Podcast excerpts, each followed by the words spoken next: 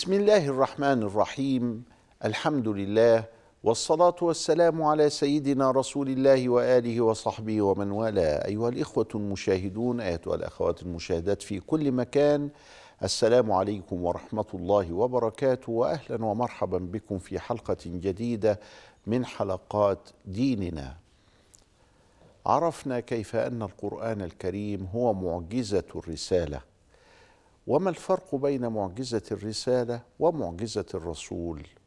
وقلنا إن معجزة الرسول هي تلك المعجزات التي أجراها الله سبحانه وتعالى خارقة للعادة على يد النبي المصطفى والحبيب المجتبى صلى الله عليه وسلم وقد عددناها نحو ألف معجزة.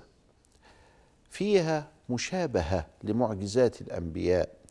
من إحياء الموتى ومن كلام الجمادات ومن تسبيح الحصى ومن تكثير الطعام وتكثير الماء ومن استجابة الدعاء ومن أشياء كثيرة جدا جرت على أيدي الأنبياء عليهم الصلاة والسلام كما أنها جرت على يد النبي صلى الله عليه وآله وسلم.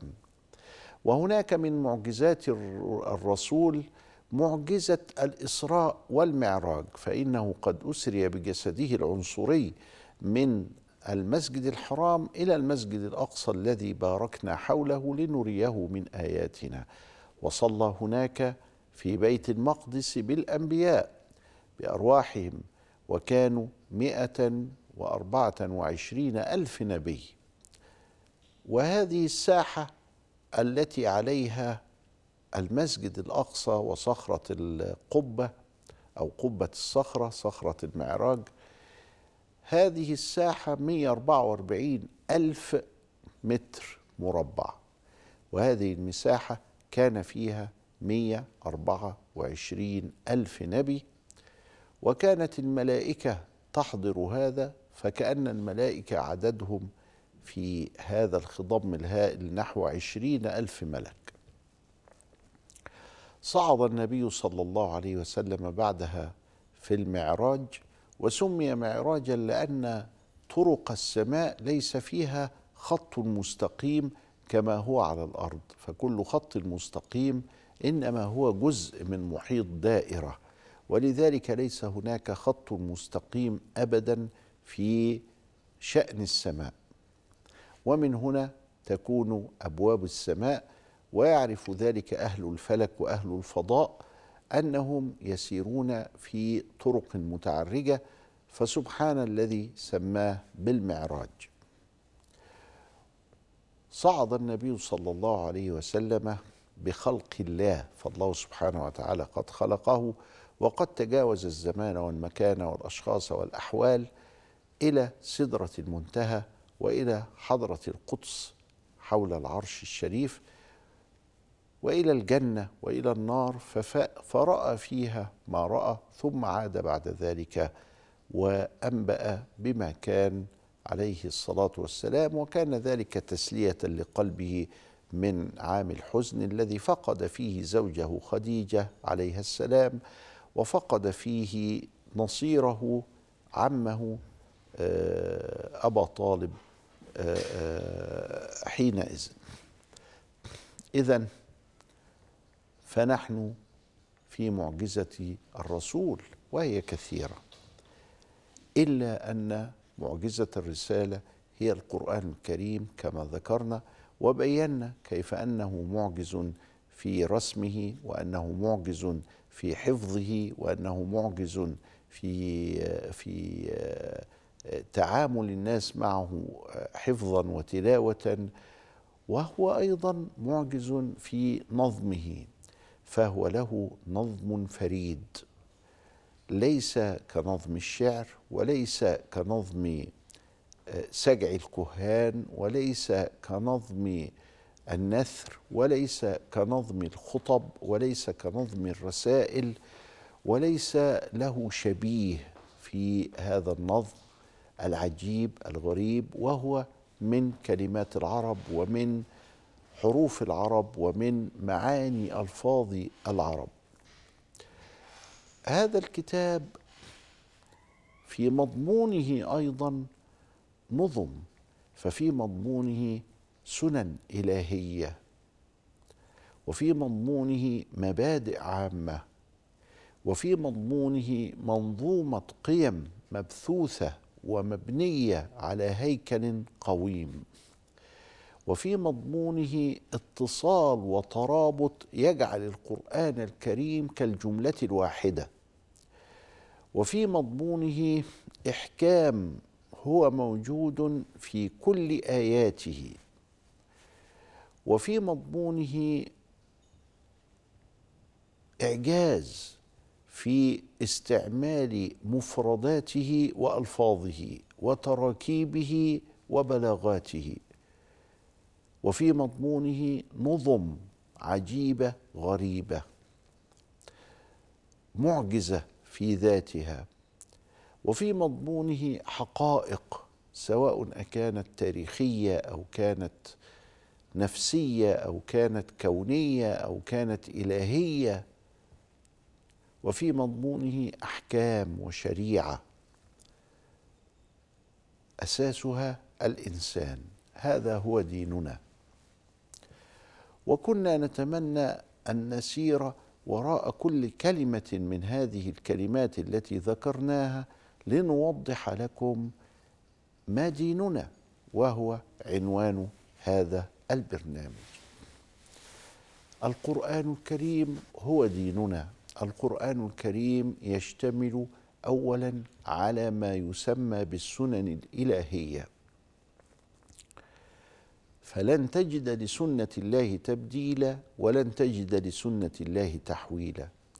سنة الله هي هذه القواعد التي بنى الله عليها هذا الكون المكون من الجماد من الحيوان من الإنسان من التاريخ وجريان الزمن. ولذلك فهناك سنن في الآفاق وهناك سنن في الأنفس وهناك سنن إلهية جارية في التاريخ. سنريهم آياتنا في الآفاق وفي أنفسهم حتى يتبين لهم أنه الحق. كلما تقدم الإنسان بتأمله بتدبره بحاله بمآله فإنه يصل إلى إدراك السنن الإلهية.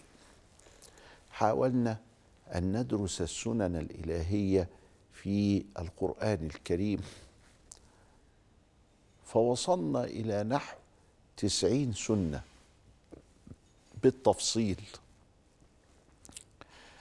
وأخذ في قضية السنن الإلهية التي أشار إليها علماء الإسلام وألفوا فيها وإن كان الاهتمام بها إنما هو اهتمام حديث في الستين سنة الماضية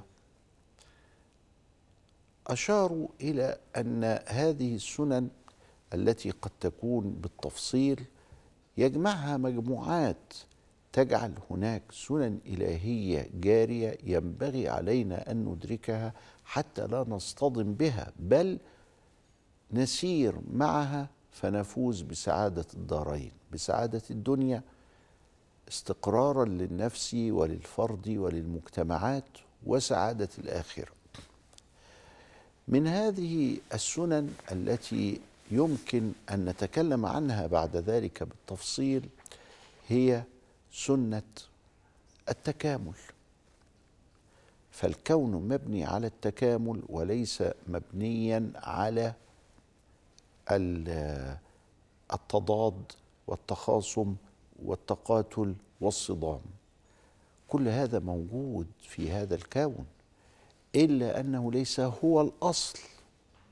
إنما الأصل عندما خلق الله الخلق أن يكون هناك تكاملا ثم إذا أنا خرجت عن التكامل أكون قد خرجت عن سنة الله في كوني. السنن الإلهية منها ما هو سنة تتعلق بالآفاق وهناك سنن تتعلق بالإنسان وهناك سنن تتعلق بالتاريخ. ولذلك فهناك السنن الالهيه تنقسم إلى سنن إلهية تاريخية وسنن إلهية في الأنفس وسنن إلهية في الآفاق. السنن التي في الآفاق منها مثلا الجاذبية. الجاذبية موجودة منذ خلق الله الخلق وهي سبب جريان هذه الكواكب حول الشمس وهي سبب هذا الترابط الموجود في الكون وهي سبب هذا البناء الذي بناه الله سبحانه وتعالى فوقنا المسمى بالسماء. الجاذبية موجودة ولكن فتح الله على شخص اسمه نيوتن عندما سقطت التفاحة فخطر في باله أن شيئا قد جذبها كما يجذب المغناطيس الحديد وأن هذه الجاذبية لها قوانينها وأن هناك كتلة هي التي تنزل إلى الأرض وطبقا لهذه الكتلة تكون السرعة وطبقا لهذه الكتلة يكون هناك قوانين لابد أن نعرفها من الفعل ورد الفعل إلى آخره ومن عجلة التساقط ودخل في آه، الميكانيكا ووضع فيها مثل هذه القواعد التي أحدث بها ثورة علمية في قضية آه، آه، التعامل مع الكون بعد إقليدس.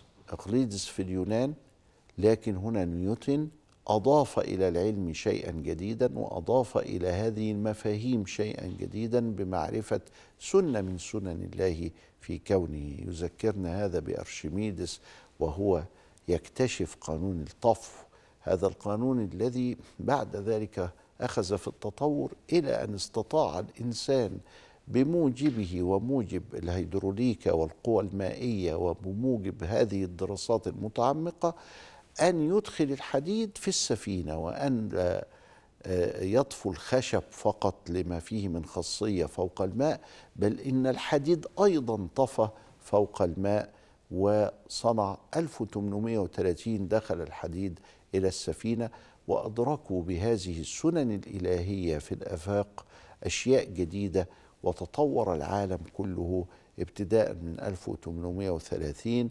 بعلامة معينة فارقة تفرق بين الأمس والغد هي دخول الحديد إلى السفينة.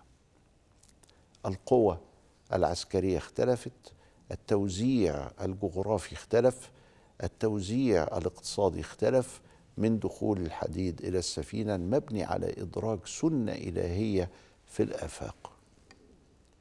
هناك سنن إلهية في الآفاق ولكن هناك أيضا سنن إلهية في التاريخ. من ضمنها أيضا كما ذكرنا السنن التاريخ النفسية التي هي في المجتمعات كالتعارف الذي بين الشعوب أو كالتكامل الذي بين الإنسان وأخيه الإنسان. فهناك سنة التداول. أنه التداول هي سنة الله سبحانه وتعالى. آه ما طار طير وارتفع إلا كما طار وقع. في تغير يحدث وهذا يذكره ابن خلدون في مقدمته هذا البيت من الشعر وهو يشير وتلك الأيام نداولها بين الناس وعندما يتطور الفكر السياسي فنرى أن قضية المسؤولية وقضية المشاركة وقضية التداول هي أركان ثلاثة في عملية الحكم والسياسة. لابد أن يكون هناك تداول للسلطة ولابد أن يكون هناك مشاركة في اتخاذ القرار ولابد أن يكون هناك أيضا مسؤولية. نرى أن هذا قد انبثق من تلك الفكرة وهي فكرة التداول وأنه وتلك الأيام سنة كونية إلهية تاريخية نداولها بين الناس. إذا تأملنا القرآن الكريم من خلال السنن الإلهية من خلال المبادئ العامة التي سنفيض فيها من خلال الجملة الواحدة ومن خلال الإحكام وال وال والأحكام ومن خلال الحقائق فإننا سنراه كتاب هداية كما أراده لنا ربنا سبحانه وتعالى هدى للمتقين. إلى لقاء آخر أستودعكم الله والسلام عليكم ورحمة الله وبركاته.